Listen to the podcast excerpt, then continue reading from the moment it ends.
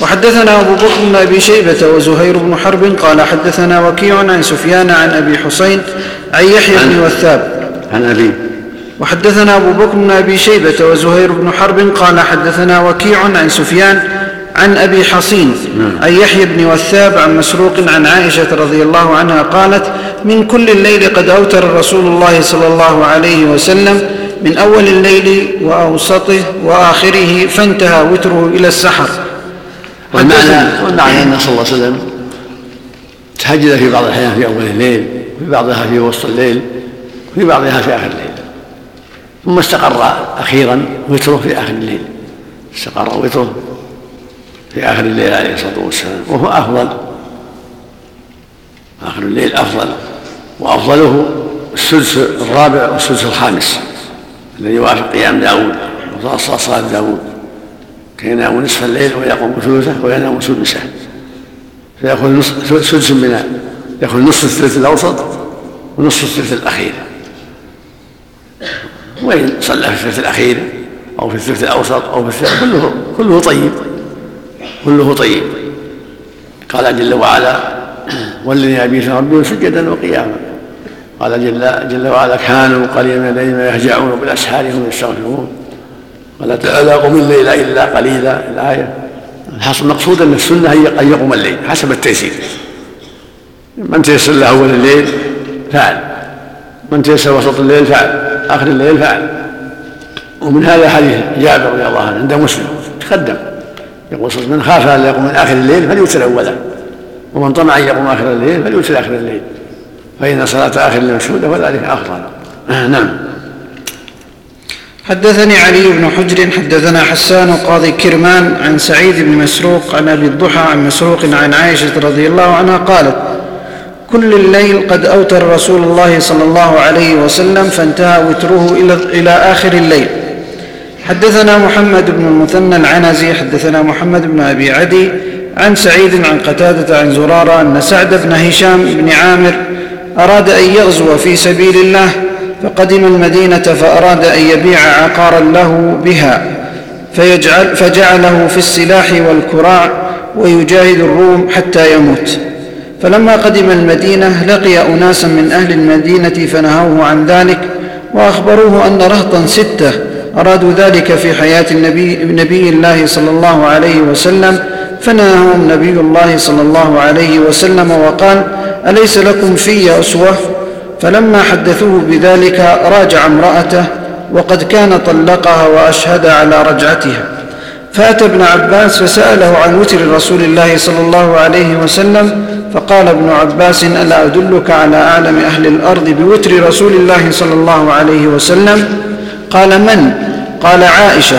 فأت فأت فأتها فاسألها ثم أتني فأخبرني بردها عليك. فانطلقت إليها فأتيت على حكيم بن أنطح فاستلحقته إليها فقال ما أنا بقاربها لأني نهيتها أن تقول في هاتين الشيعتين شيئا فأبت فيهما إلا مضيا. قال فأقسمت عليه فجاء فانطلقنا إلى عائشة فاستأذنا عليها فأذنت لنا فدخلنا عليها فقالت أحكيم؟ فعرفته فقال نعم. فقالت من معك؟ قال سعد بن هشام. قالت من هشام؟ قال ابن عامر. فترحمت عليه وقالت خيرا. قال قتاده وكان أصيب يوم أحد. فقلت يا أم المؤمنين أنبئيني عن خلق رسول الله صلى الله عليه وسلم. قالت ألست تقرأ القرآن؟ قلت بلى. قالت فإن خلق نبي الله صلى الله عليه وسلم كان القرآن. قال فهممت أن أقوم ولا أسأل أحدا عن شيء حتى أموت. ثم بدا لي فقلت أنبئيني عن قيام رسول الله صلى الله عليه وسلم فقالت ألست تقرأ يا أيها المزمل؟ قلت بلى. قالت فإن الله عز وجل افترض قيام الليل في أول هذه السورة فقام نبي الله صلى الله عليه وسلم وأصحابه حولا وأمسك الله خاتمتها اثنى عشر شهرا في السماء حتى أنزل الله في آخر هذه السورة التخفيف فصار قيام الليل تطوعا بعد فريضة. قال قلت يا أم, يا أم المؤمنين أنبئيني عن وتر رسول الله صلى الله عليه وسلم. فقالت كنا نعد له سواكه وطهوره فيبعثه الله ما شاء ان يبعثه من الليل فيتسوك ويتوضأ ويصلي تسع ركعات لا يجلس فيها إلا في الثامنة فيذكر الله ويحمده ويدعوه ثم ينهض ولا يسلم ثم يقوم فيصلي التاسعة ثم يقعد فيذكر الله ويحمده ويدعوه ثم يسلم تسليما يسمعنا ثم يصلي ركعتين بعدما يسلم وهو قاعد فتلك إحدى عشرة ركعة يا بني. فلما أسن نبي الله صلى الله عليه وسلم وأخذ اللحم أوتر بسبع وصنع في الركعتين مثل صنيعه الأول فتلك تسع يا بني.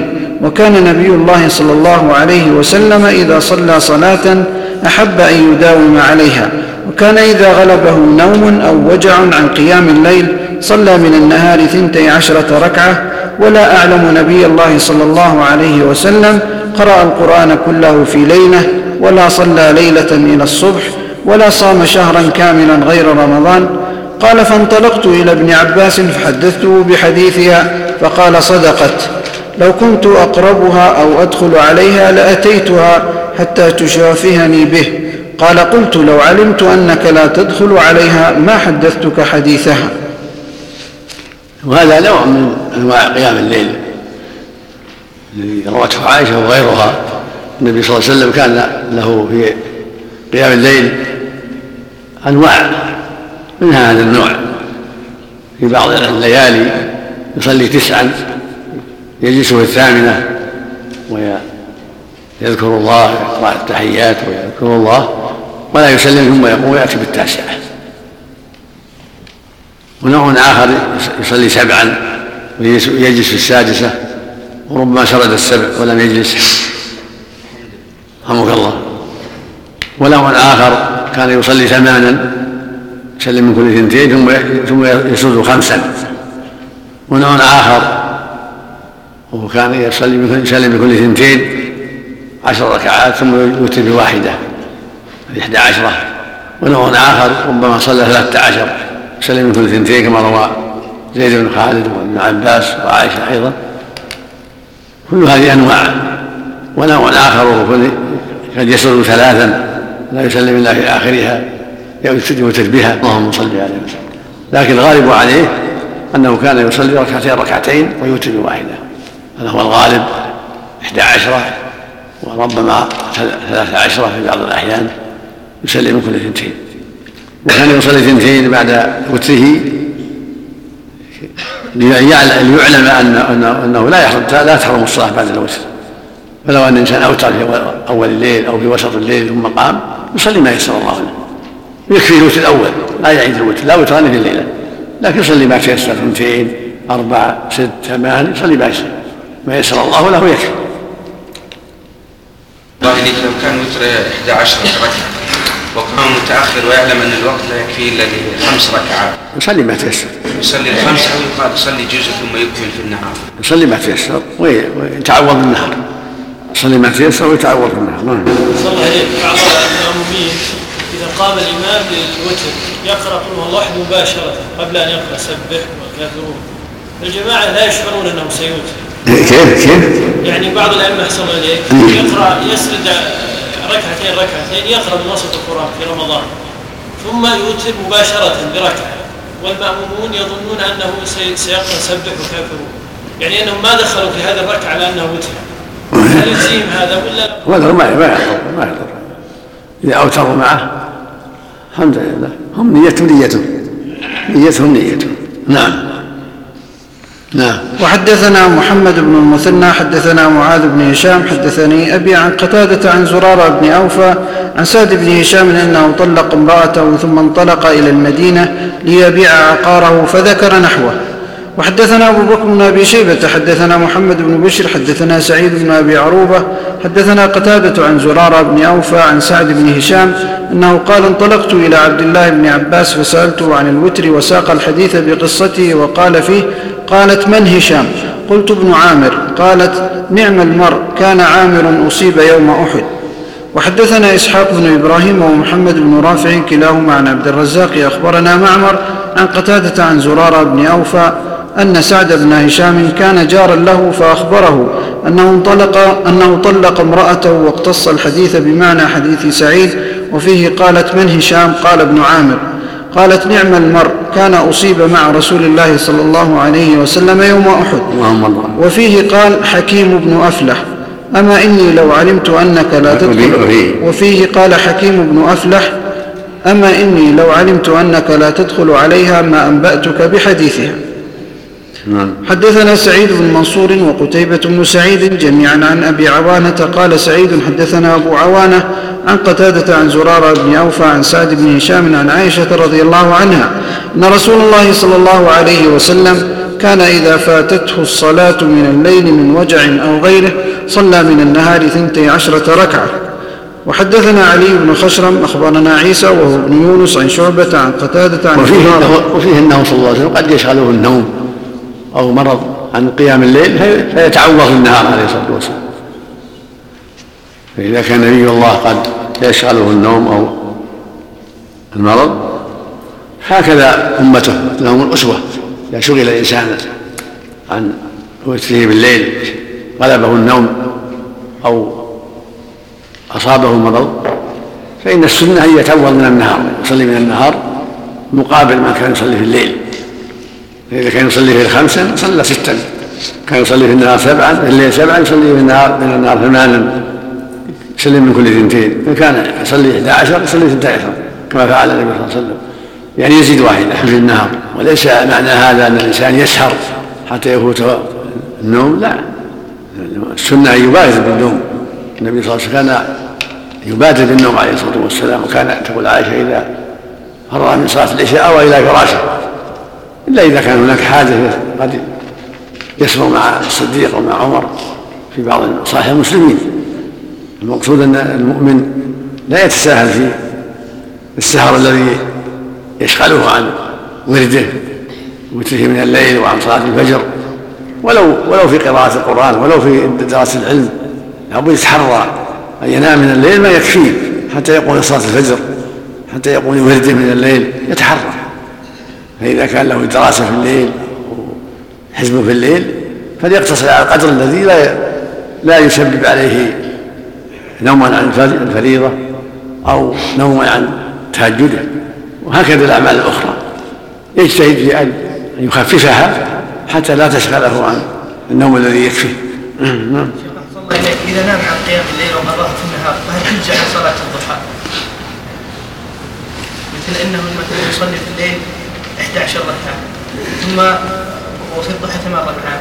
الله انه كافي لأن عائشة ذكرت انه كان يصلي من النهار ما ولم تكن تكن صلاة الضحى. فإذا صلى زيادة كله خير. الصلاة مثل ما قال في حديث عمرو بن عبسة. إذا ارتفعت الشمس قيل روح فصلي فإن الصلاة محظورة مشهودة حتى يقف الظل يعني حتى تقف الشمس. في كل لو صلى ألف ركعة لكن تجزئ إذا قضاها ما ما ما ما ما أعلم معنى لأنها نافلة هي بلازمة لكن لو صلى زيادة سنة الضحى عادة سنة الضحى حسن. مع مع مع قضاء ما فات من الليل. يجمع بين الحسنين علة النهي صلى النهار الصحابة لأنه سينقطع للعبادة ويدع نعم. لما نهوا سعد بن هشام علة النهي لأنه سينقطع يعني كالتبتل خوف عليه من التبتل. يكون يترك زوجته عقاره ويستمر في الجهاد خاف عليه من التبتل. يجاهد تاره يأتي لاهل التارة وهكذا. نعم. نعم. وحدثنا علي بن خشرم أخبرنا عيسى وابن يونس عن شعبة عن قتادة عن زرارة عن سعد بن هشام الأنصاري عن عائشة رضي الله عنها قالت كان رسول الله صلى الله عليه وسلم إذا عمل عملا أثبته وكان إذا نام من الليل أو مرض أو مرض صلى من النهار ثنتي عشرة ركعة. قالت وما رأيت رسول الله صلى الله عليه وسلم قام ليلة حتى الصباح وما صام شهرا متتابعا إلا رمضان. يعني إلا عشر ذي الحجة إلا عشر الاخيره من رمضان كان يحييها كما في حديثها الآخر. كان يحيي العشر الاخيره من رمضان عليه الصلاة والسلام. هذا مستثنى. هذا قولها حتى الصباح هذا عام يستثنى من العشر الأخيرة من رمضان كما أخبرت في الحديث الآخر. كذلك شعبان كان يصومه كله رب أصامه إلا قليلا رب أكمله ورب أفطر منه قليلا عليه الصلاة والسلام شعبان كما في حديث أم سلمة حديث عائشة. نعم. ولها كان خلقه القرآن يعني أنه صلى الله عليه وسلم كان يعتني بالقرآن يعمل بأوامر القرآن. ينتهي عن نواهي القرآن ويجتهد في الأعمال التي رغب فيها القرآن وندب إليها يجتهد فيها. هذا معنى خلقه القرآن. يعني أنه يعمل بما في القرآن من الأوامر والتغريب والترغيبات مثل التهجد بالليل مثل كثرة الذكر كثرة الاستغفار الدعاء الصدقات إلى غير هذا مما دل عليه القرآن. تواضع. ومع ذلك هو أيضا ينتهي غاية ينتهي عن نواهي القرآن غاية الانتهاء وغاية الحذر عليه الصلاة والسلام.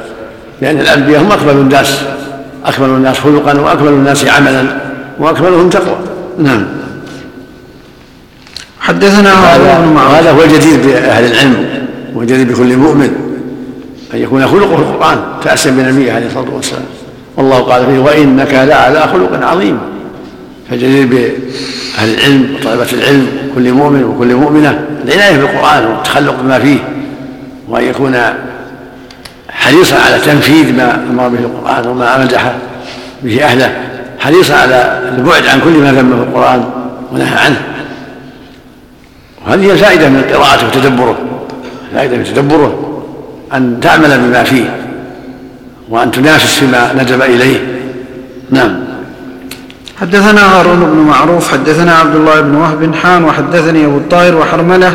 قال أخبرنا ابن وهب عن يونس عن ابن, عن ابن يزيد عن يونس بن يزيد عن ابن شهاب عن السائب بن يزيد وعبيد الله بن عبد الله. أخبراه عن عبد الرحمن بن عبد بن عبد القاري. قال سمعت عمر بن الخطاب رضي الله عنه يقول قال رسول الله صلى الله عليه وسلم من نام عن حزبه أو عن شيء منه فقرأه فيما بين صلاة الفجر وصلاة الظهر كتب له كأنما قرأه من الليل. وهذا من فضل الله اذا نام عن حزبه. له في الليل جزء جزوين ثلاثة ثم قرأها قبل الزوال. كأنما كان ما قرأها من الليل في الفضل والأجر. الإنسان يبتلى بالنوم بعض الأحيان قد يعوقها عائق عن التبكير فينام عن ورده. فإذا قرأه من النهار قبل الظهر فكان كان قرأ من الليل. وهذا يستنبط منه أيضا كونه يأتي بالعبادة التي فاتته بالليل ضحى الصلاة التي كان يأتيها بالليل إذا فاتت لنوم أو شغل يأتي بها ضحى. كان فكان ما أتى بها من الليل. بعد الزوال؟ نعم. بعد الزوال يتوقف؟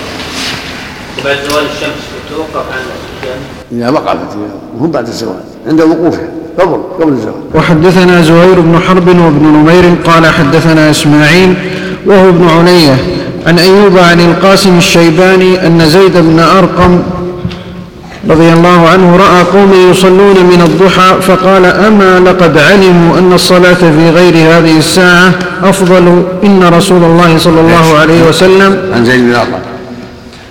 رأى قوما يصلون من الضحى. رأى. الضحى. رأى إيش؟ أن زيد بن أرقم رأى قوما يصلون من الضحى فقال أما لقد علموا أن الصلاة في غير هذه الساعة أفضل. إن رسول الله صلى الله عليه وسلم قال صلاة الأوابين حين ترمض الفصال. ترمض.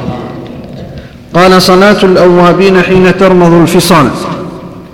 نعم. حدثنا زهير بن حرب. صلوها المبكرين صلوها المبكرين بين ان صلاة الأوابين حين ترمض الصلاه يعني اذا اشتد الحر.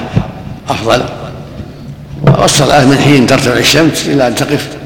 كلها مطلوبه جيدة محظورة.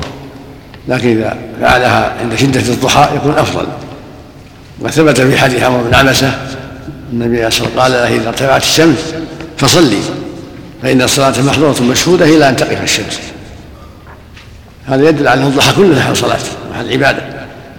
لكن إذا اشتد الحرار الضحى يكون تكون الصلاة فيه أفضل عند شدة الشمس. نعم. حدثنا زهير بن حرب حدثنا يحيى بن سعيد عن هشام بن أبي عبد الله قال حدثنا القاسم الشيباني عن زيد بن أرقم رضي الله عنه قال خرج رسول الله صلى الله عليه وسلم على أهل قباء وهم يصلون فقال صلاة الأوابين إذا رمضت الفصال. رمضت. فقال صلاة الأوابين إذا رمضت الفصال. والفصال أولاد الإبل. يعني احترت عليها الشمس نعم.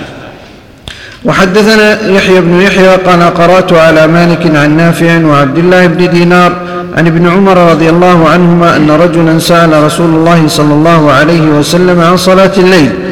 فقال رسول الله صلى الله عليه وسلم صلاة الليل مثنى مثنى. فإذا خشي أحدكم الصبح صلى ركعة واحدة توتر له ما قد صلى. حدثنا أبو بكر بن أبي شيبة وعمر الناقد وزهير بن حرب قال زهير حدثنا سفيان بن عيينة عن الزهري عن سالم عن أبيه سمع النبي صلى الله عليه وسلم يقول حاء حدثنا محمد بن عباد واللفظ له حدثنا سفيان حدثنا عمرو عن طاووس عن ابن عمر رضي الله عنهما. حاء حدثنا الزهري عن سالم عن أبيه أن رجلا سأل النبي صلى الله عليه وسلم عن صلاة الليل فقال مثنى مثنى فإذا خشيت الصبح فأوتر بركعة. وهذا يدل على أن السنة المستقرة في الليل مثنى مثنى. هذا هو الأفضل مثنى مثنى في تهجده بالليل. وهذا خبر معناه الأمر يعني صلوا مثنى مثنى. فإذا خشي الصبح أوتر بواحدة. أما ما ورد أنه سرد سبعا وخمسا وتسعا فهذا يدل على الجواز ولكن التثنية أفضل. صلاة الليل مثنى مثنى نعم. صلى الله إليك. لو سردها تارة صلى مثنى مثنى. مثنى أفضل مثنى مثنى أفضل دائما. لأن هذا بمعنى الأمر. وذاك قصره أنه جائز. وحدثني حرملة بن يحيى حدثنا عبد الله بن وهب أخبرني عمرو أن ابن شهاب حدثه أن سالم بن عبد الله بن عمر وحميد بن عبد الرحمن بن عوف حدثاه عن عبد الله بن عمر بن الخطاب رضي الله عنه أنه قال قام رجل فقال يا رسول الله كيف صلاة الليل؟ قال رسول الله صلى الله عليه وسلم صلاة الليل مثنى مثنى فإذا خفت الصبح فأوتر بواحدة. قد أخرجه البخاري بهذا بهذا الأرض أخرجه البخاري رحمه الله. وهو من الأحاديث المتفق عليها نعم. وحدثني أبو الربيع الزهراني حدثنا حماد حدثنا أيوب وبديل عن عبد الله بن شقيق عن عبد الله بن عمر رضي الله عنهما أن رجلا سأل النبي صلى الله عليه وسلم وأنا بينه وبين السائل؟ فقال يا رسول الله كيف صلاة الليل؟ قال مثنى مثنى. فإذا خشيت الصبح فصل ركعة واجعل آخر صلاتك وترا. ثم سأله رجل على رأس الحول وأنا بذلك المكان من رسول الله؟ ثم سأله رجل على رأس الحول وأنا بذلك المكان من رسول الله صلى الله عليه وسلم فلا أدري هو ذلك الرجل أو رجل آخر فقال له مثل ذلك. وحدثني أبو كامل حدثنا حماد وحدثنا أيوب وبديل وعمران بن حدير عن عبد الله بن شقيق عن ابن عمر حاون حدثنا محمد بن عبيد الغبري حدثنا حماد حدثنا أيوب والزبير بن الخريت عن عبد الله بن شقيق عن ابن عمر رضي الله عنهما قال سأل رجل النبي صلى الله عليه وسلم فذكر بمثله وليس في حديثهما ثم سأله رجل على رأس الحول وما بعده. وحدثنا هارون بن معروف. زيادة صلاة الليل والنهار. هذه في السنن الأربع مسلم أحمد لا بأس بها صلاة الليل والنهار مثنى مثنى. رواه أحمد خمسة كما قال الحافظ البلوغ وإسنادها جيد رواية علي البارق يعني ابن عمر. بعض أهل العلم انكرها والصواب أنها ثابتة. نعم. النسائي رحمه الله أنكر الزياده وقال انها خطأ ولا وجه لإنكارها. نعم. هذا أحسن الله إليك وأراد يصلي اربعا قبل الظهر والعصر. يكون اثنتين ثنتين هذا هذا هو السنة نعم. ليس له أن يصلها. الذي ينبغي يصلي ثنتين لقول صلاة الليل. والنهار مثنى مثنى نعم. وصل. ينبغي ألا ألا يصل. ينبغي أن يصلي ثنتين أما التحريم محل نظر؟ لكن هذا هو السنة. مثنى مثنى نعم. يوجد روايات رواية بعض الروايات في مالك أنه وصلها أربع الصلاة النار المحفوظ أنه صلى الله عليه وسلم كان يصلي ثنتين اما وصلها فهو غير محفوظ اللهم صل نعم. وحدثنا هارون بن معروف وسريج بن يونس وابو كريب جميعا عن ابن أبي زائدة. قال هارون حدثنا ابن أبي زائدة أخبرني عاصم الأحول عن عبد الله بن شقيق عن ابن عمر رضي الله لا عنهما. أحفظ السنة حديثا صحيحا أنه صلى أربعا جميعا. بسلام واحد. إنما الذي ثابت أنه صلى صلى ثلاثا جميعا وخمسا جميعا وسبعا جميعا هذا ثابت. لكن فعله لا يخالف قوله يدل على الجواز والقول هو أفضل والجواز جائز. مثل ما نهى عن الصلاة عن استقبال القبلة واستدبارها حال قضاء الحاجة وفعل ذلك في بيت حفصة كما قال ابن عمر دل على الجواز ولكن السنة والأولى عدم استقبالها ولو في البلدان إذا تيسر. أما في الصحراء فلا يجوز. وهكذا قاعدة إذا أمر بشيء أو أثنى على ثم ثم فعل خلافه دل على الجواز لكن المثنى عليه والمأمور به يكون هو الأفضل. وما فعل خلافه يكون جائزا فقط. وحدثنا هارون بن معروف وسريج. قائما. شرب قائما وهو ينهى عن الشرب قائما. دل على أنه يجوز لكن الافضل أن يشرب قائما. نعم. وحدثنا هارون بن معروف وسريج بن يونس وأبو كريب جميعا عن ابن أبي زائدة قال هارون حدثنا ابن أبي زائده أخبرني عاصم الأحول عن عبد الله بن شقيق عن ابن عمر رضي الله عنهما إن النبي صلى الله عليه وسلم قال بادروا الصبح بالوتر. وحدثنا قتيبة بن سعيد حدثنا ليث حاول وحدثنا ابن رمح أخبرنا الليث عن نافع أن ابن عمر رضي الله عنهما قال من صلى من الليل فليجعل آخر صلاته وترا فإن رسول الله صلى الله عليه وسلم كان يأمر بذلك. وحدثنا أبو بكر بن أبي شيبة حدثنا أبو أسامة حاول وحدثنا ابن نمير حدثنا أبي حاول وحدثني زهير بن حرب وابن المثنى قال حدثنا يحيى كلهم عن عبيد الله عن نافع عن ابن عمر رضي الله عنهما عن النبي صلى الله عليه وسلم قال اجعلوا آخر صلاتكم بالليل وترا. وحدثني هارون بن عبد الله حدثنا حجاج بن محمد قال قال ابن جريج أخبرني نافع أن ابن عمر رضي الله عنهما كان يقول من صلى من الليل فليجعل آخر صلاته وترا قبل الصبح. كذلك كان رسول الله صلى الله عليه وسلم يأمره. اللهم صل على حدثنا شيبان بن مفرق حدثنا عبد الوارث عن أبي التياح قال حدثني أبو مجلس عن ابن عمر رضي الله عنهما قال قال رسول الله صلى الله عليه وسلم الوتر ركعة من آخر الليل. وحدثنا محمد بن المثنى وابن يعني يجزي ركعة تجزي ركعة من آخر الليل؟ ولو صلاها في أول الليل أجزأت لكن من آخر الليل أفضل.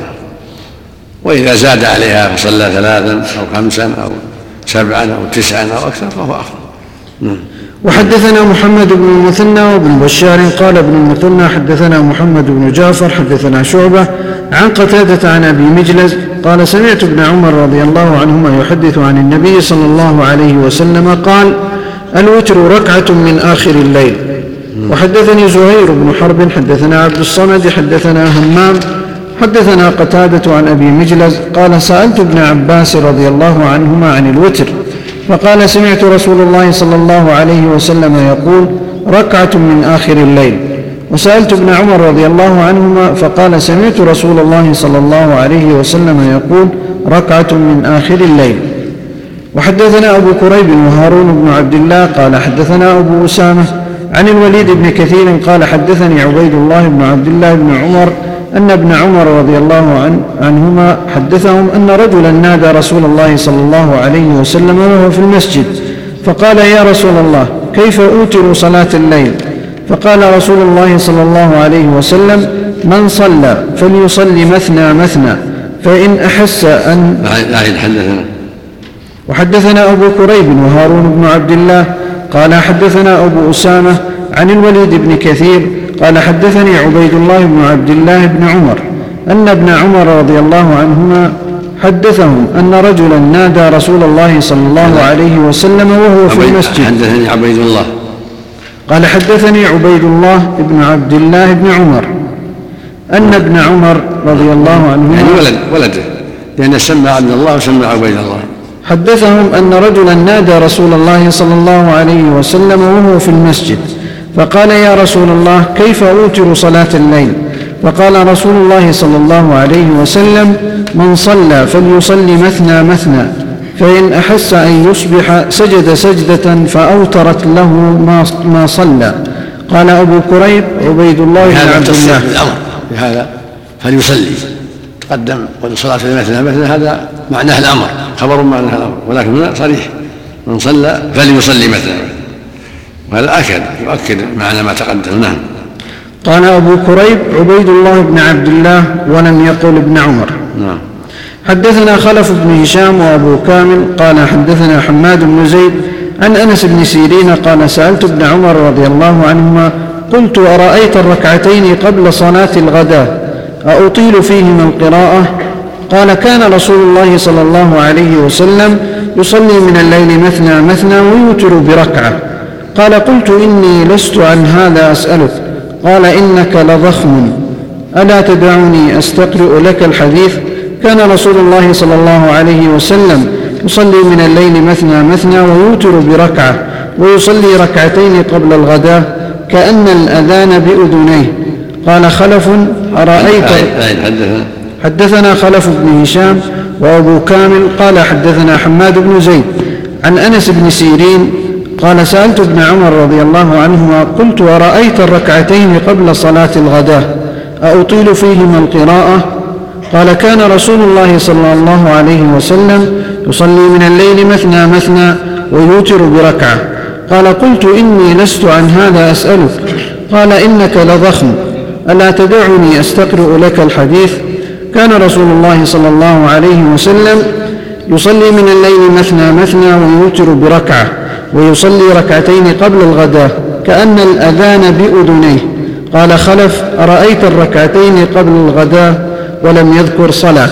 وهذا أيضا لفظ ثالث. أن النبي صلى الله عليه وسلم كان يصلي مثنى مثنى كما قالت عائشة. الأول من الحديث ما قال صلاة الليل مثنى مثنى واللفظ الثاني أنه سمع يقول فليصلي مثنى مثنى بالأمر.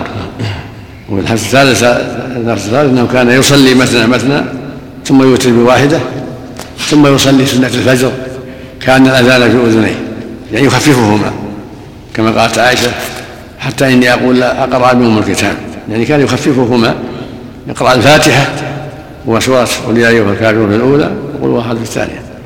وربما قرأ آية البقرة قل آمنا بالله وما في الأولى وآية البقرة وآية العمران في الثانية قل يا أهل الكتاب تعالى. والمقصود أنه كان يخففهما ولا يطيلهما يعني سنة الفجر. في قراءة ولا في الركوع والسجود نعم صلى عليه وسلم. كأن الأذان يعني الإقامة. نعم إيه. المراد بالأذان هنا الإقامة. نعم. وحدثنا ابن المثنى وابن بشار قال حدثنا محمد بن جعفر حدثنا شعبة عن, عن أنس بن سيرين قال سألت ابن عمر رضي الله عنهما بمثله وزاد ويوتر بركعة من آخر الليل وفيه فقال به به إنك لضخم.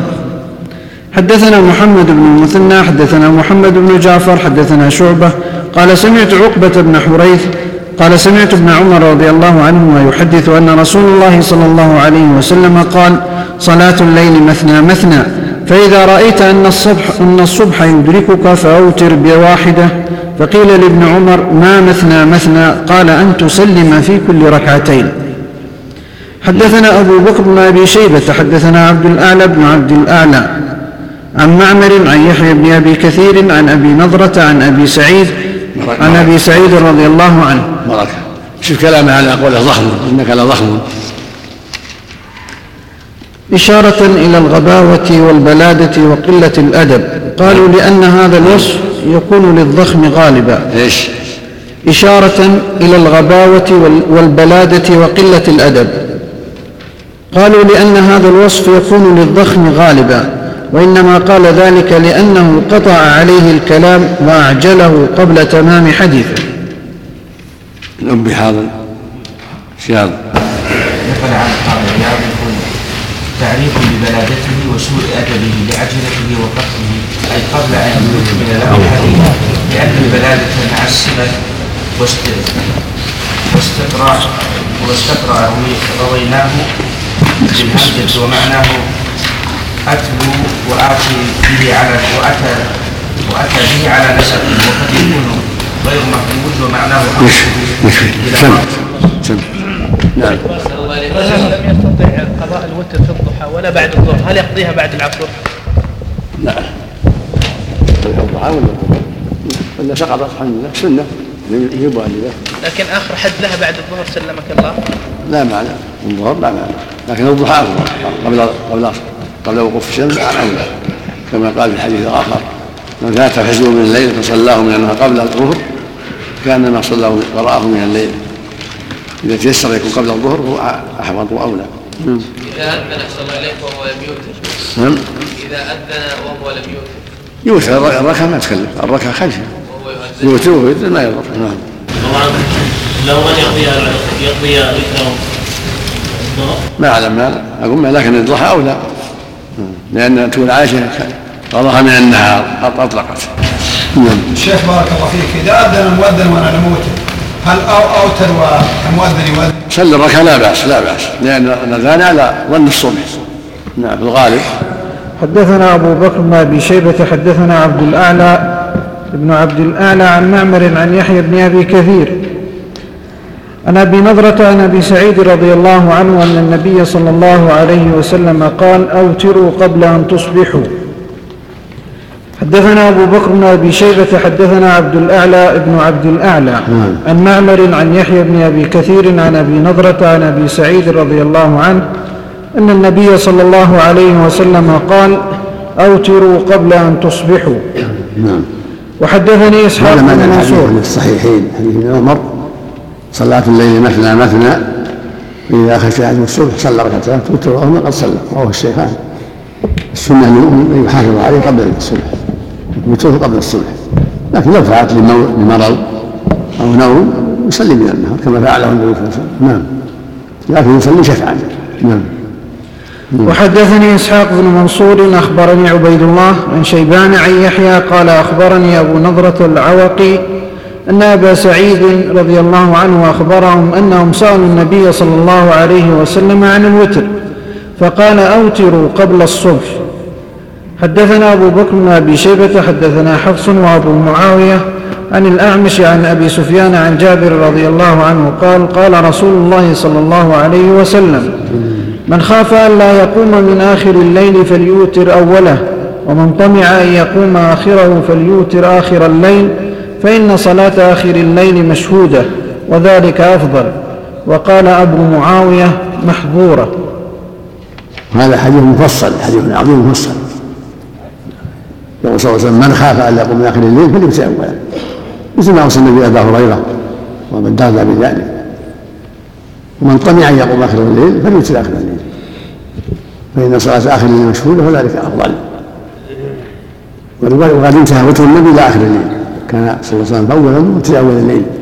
ثم اوتر وسط الليل ثم انتهى وتره إلى استحقاقات عائشة رضي الله عنها. فاستقر وتره في آخر الليل. وقت النزول الإلهي في الثلث الأخير. وهذا أفضل الأوقات إذا تيسر. فإن لم يتيسر أوتر أول الليل قبل أن ينام احتياطا. فإذا قام آخر الليل صلى ما يسر الله له من دون وتر. إذا قام من آخر الليل وقد أوتر في أول الليل يصلي سنتين أو أكثر لكن من غير وتر. سنتين أربع ست ثمان. يسلم من كل ثنتين والحمد لله. نعم. وحدثني سلمة بن شبيب حدثنا الحسن بن أعين حدثنا معقل وهو ابن عبيد الله.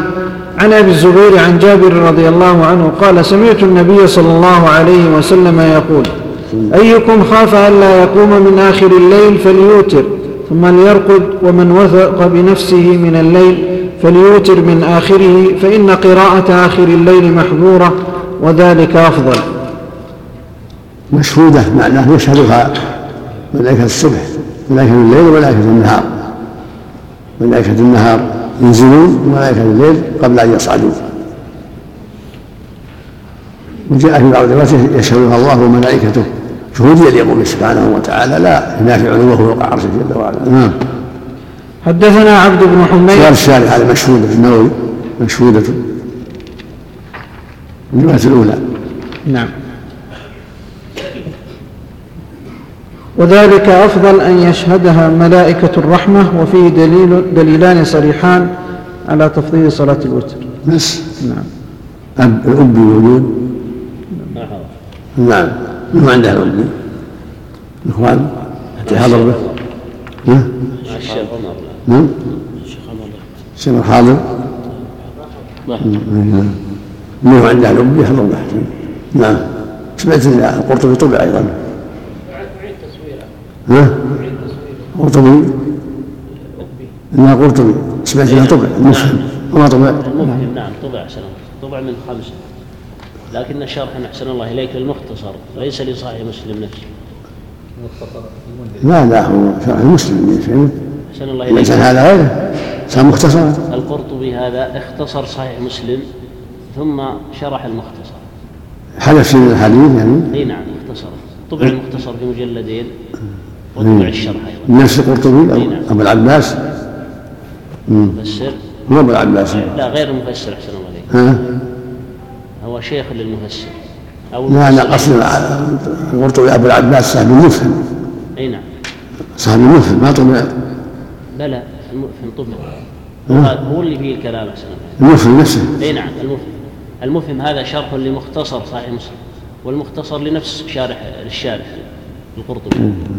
اي والله إني إني أعلم قديما ان ان ان الشرح لصحيح مسلم يذكرونه في الشروح. مم؟ اتي بالكتاب هذا وأقرأ عليك إن شاء الله. نعم.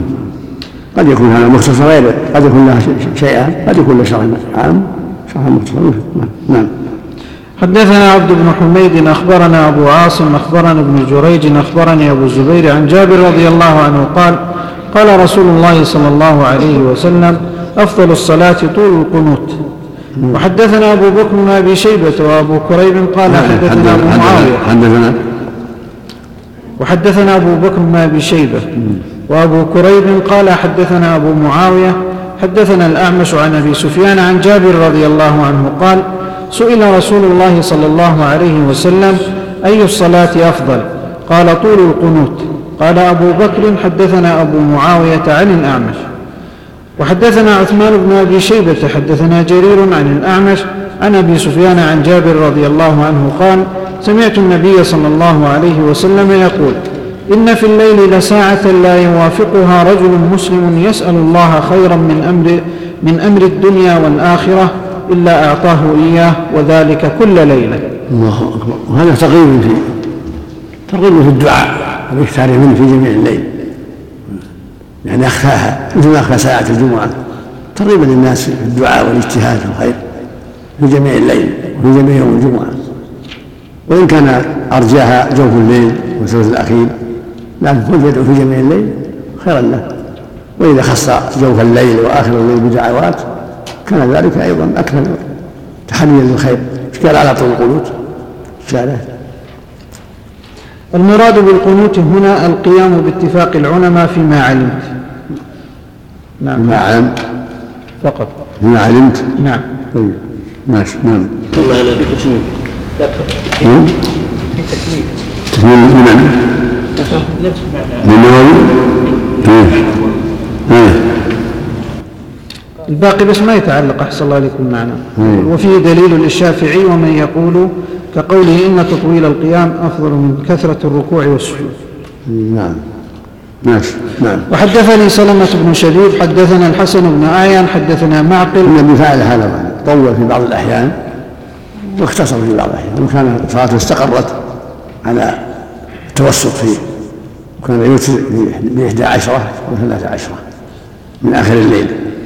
وربما طول كثيرا كما في حديث حذيفة فقرأ البقرة والنساء وآل عمران لكن هذا قليل ونادر والذي استقر عليه أمره الت- التخفيف وعدم التطويل الكثير ولهذا كان يوتر بإحدى عشرة في الغالب أو ثلاثة عشرة ربما أوتر بأقل من ذلك يقرأ طويلا ويركع طويلا ويسير طويلا لكن ليس من ما فعل في. نعم الله يحدث عائشة قبل خمسين آية نعم هذا دائما ولا بعض الأحيان قاعد يقول لكن شيء يسر يخلق خمسين آية في تهجد في تهجد عليه وسلم